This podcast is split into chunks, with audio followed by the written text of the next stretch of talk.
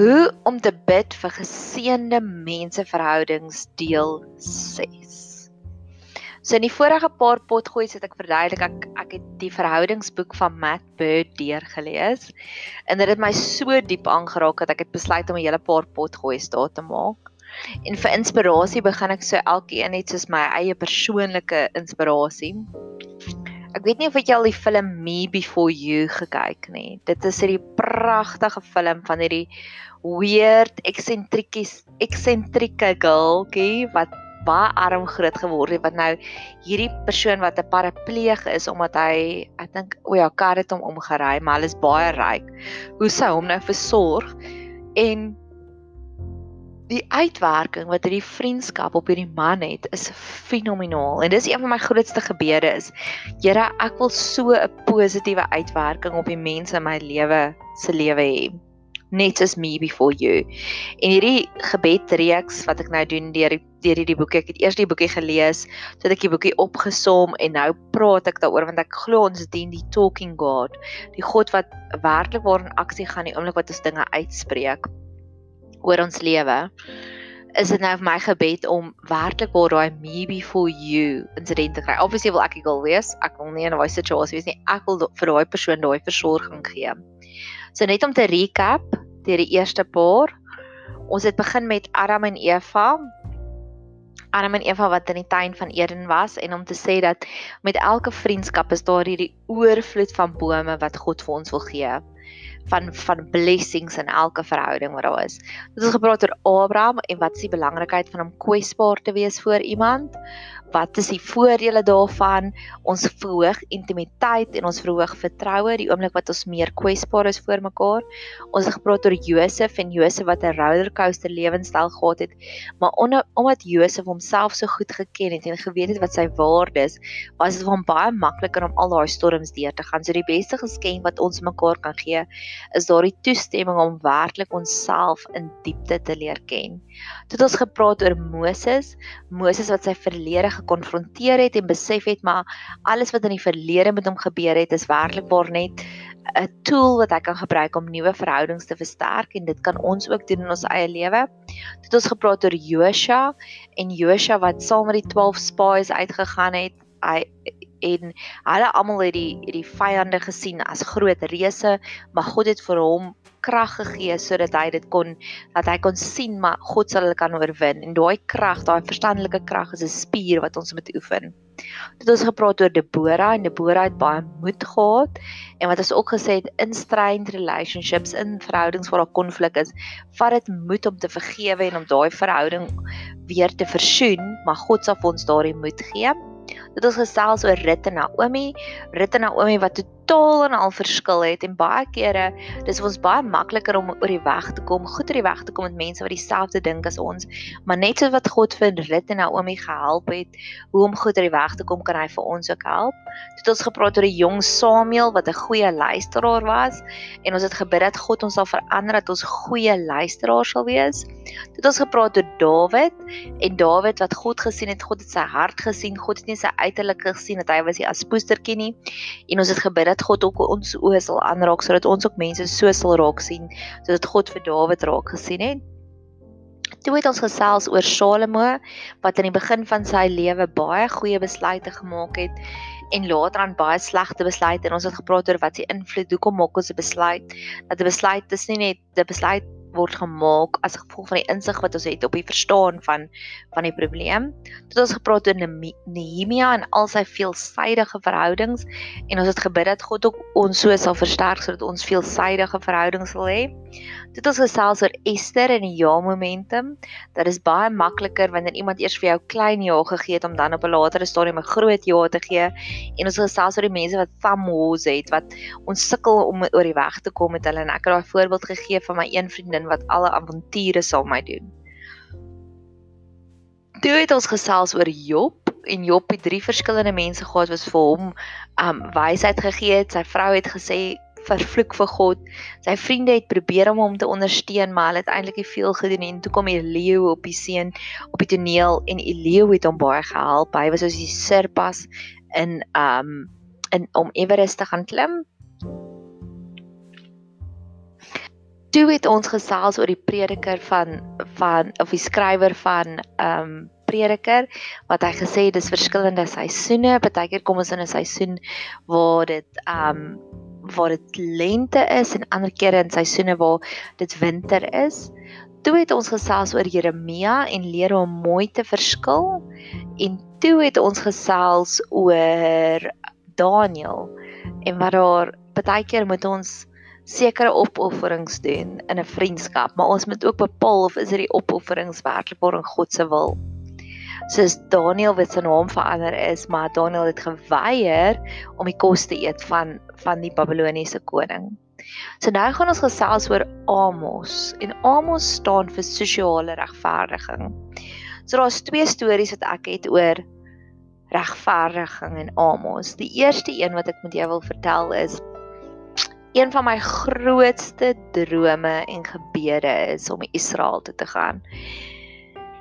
Maar ek wil nou effens amper bely dat dit is nie meer net 'n droom en 'n gebed nie, dis nou amper 'n obsessie. Ek wil baie graag Israel toe gaan, maar dinge werk net nie so uit dat ek op hierdie stadium kan Israel toe gaan nie. En daar was op 'n stadium wat ek myself besef het, maar die oomblik as iemand anders vir my vertel hulle gaan Israel toe, het ek sommer se ligte jaloesie in my wat ek soos dink Here hoe kan jy dit vir hulle gee maar nog nie vir my nie? En in hierdie boekie van Matt Bird het hy die storie vertel van God is 'n fair God. Hy's just. Hy's regverdig Maar regverdig beteken nie hy gee vir almal dieselfde nie. En dit het dit so vir my so groot oopgemaak. Hy vertel die storie van hy drie kinders. Nou die een kind is 11 jaar, die ander kind is 9 jaar en die ander kind is 4 jaar. En gestel al drie die kinders wil oor die heining staan en kyk. Help dit nie hy gee vir hulle elkeen dieselfde stoeltjie nie, dieselfde voetstoeltjie nie. Want die 11-jarige gaan maklik kan hoor kyk, maar die twee kleintjies gaan nie so maklik daaroor kan kyk nie.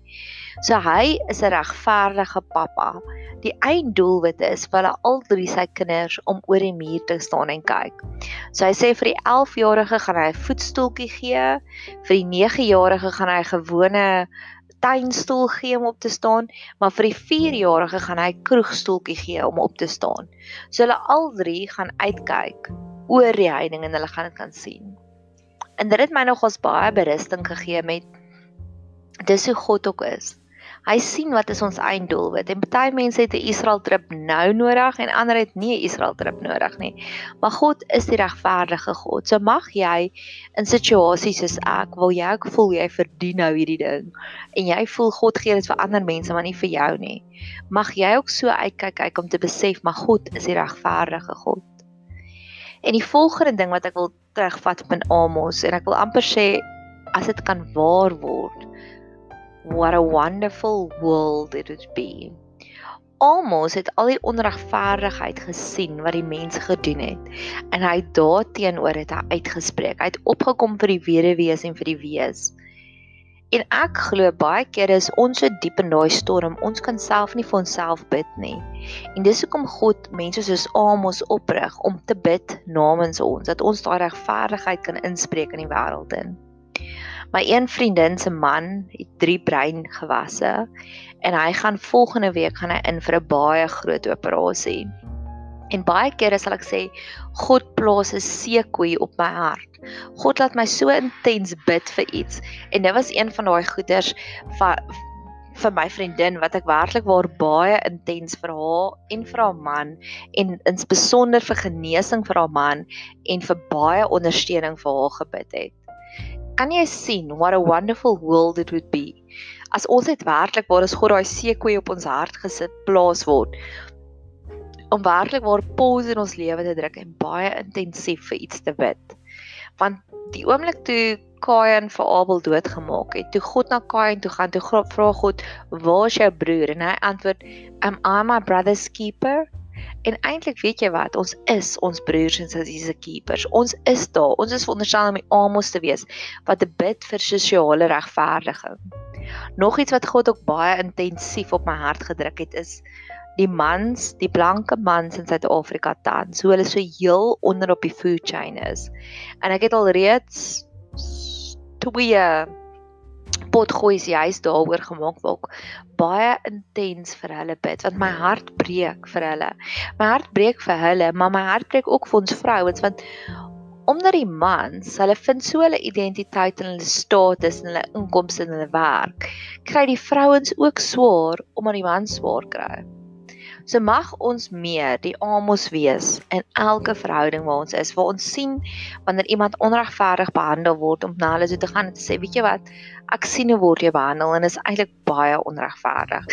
En ek wil net vir jou sê ek staan agter jou en as ek die situasie kon verander het sou ek. Mag God ons oë aanraak om meer ons boeties en sissies se struggles raak te sien dat ons werklik waar daar vir hulle kan wees. Weet jy hoe besonder mooi voel dit as iemand na jou toe kom en vir jou sê Ek sien jou raak. Ek sien raak waar jy gaan. Mag ons dit meer en meer doen. Dis wie Amos was, dis sosiale regverdig. Die volgende verhouding wat ons gaan bespreek is Jona. En Matt Bird noem dit baie oulik. Hy noem dit gremlin bestuur. Die gremlins is die jy weet daai prentjie van die engeltjie en die duiweltjie op ons skouer. Nou ek glo daai prentjie, alhoewel dit 'n cartoon is, het baie waarheid in. Hoe meer ons luister en hoe meer ons kan leer om autoriteit te neem oor die vyand, hoe meer gaan ons groter dinge bereik. Hoe meer ons gaan luister na die goeie, die wat God vir ons sê en die engeltjie op ons skouer, hoe meer gaan ons goeie dinge bereik dis wat Jona gedoen het. Jona was eers bang. God stuur vir Jona na Ninive toe. Hy klim op 'n skip, hy luister na die gremlin, hy luister na die duiwel en hy gaan Tarshish se kant toe. En die skip sink amper en daar luister hy weer vir die engeltjie op sy skouer en hy sê ek is die een wat wat dit veroorsaak en hulle gooi hom oorboord. Hy vislik hom in. Die vis spoeg hom uit. Hy gaan dadelik na Ninive toe en hy gaan preek en dit dis een van die beste preke ooit. Dis die grootste herlewing wat daar gebeur het. Want selfs die beeste het in sak en as gesit, hè. Oor dit oor al hulle sonde. En net daarna luister hy weer vir die gremlin. Want toe raak hy jaloers en hy sit en hy, hy wag net dat God nou hierdie stad moet um verwoes en hy sê maar God gaan dit nie doen nie. En hy luister weer na die gremlin. So meer ons na die engeltjie gaan luister en hoe minder ons aan die gremlin gaan luister. Ek kan net vir myself indink want God is 'n God van groei. Wat het God volgende vir Jona beplan as hy net minder na sy gremlins geluister het? Want ek weet God sou nie net God is nie net 'n once of God nie. Wat was volgende in stoor met Jona? Want ek kan vir myself sê dit was nie net Ninive nie, maar hy het gekies om eerder na die gremlin te luister.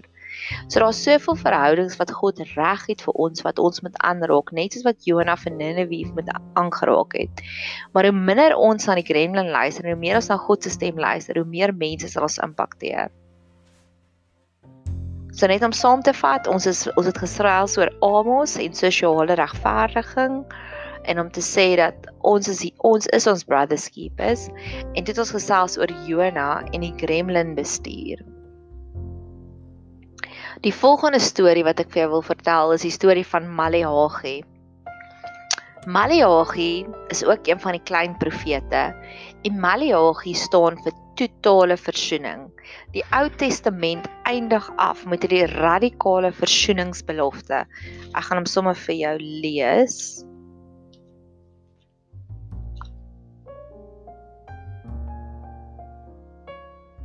Hy eindig af met en hy sal die harte van die vaders terugbring tot die harte van die kinders en van die kinder in die hart van die kinders tot die tot hulle vaders sodat ek hulle nie hoef te kom in die land met die banvloek hoe se tref nie. Hoe mooi is dit? Besef jy dat ek en jy is daagliks geroep om totale versoening te verkondig oral Mag ons daagliks net meer en meer in die Maleagi se voetspore stap wat hierdie boodskap van totale radikale versoening verkondig. Mag jy 'n super geseënde dag hê.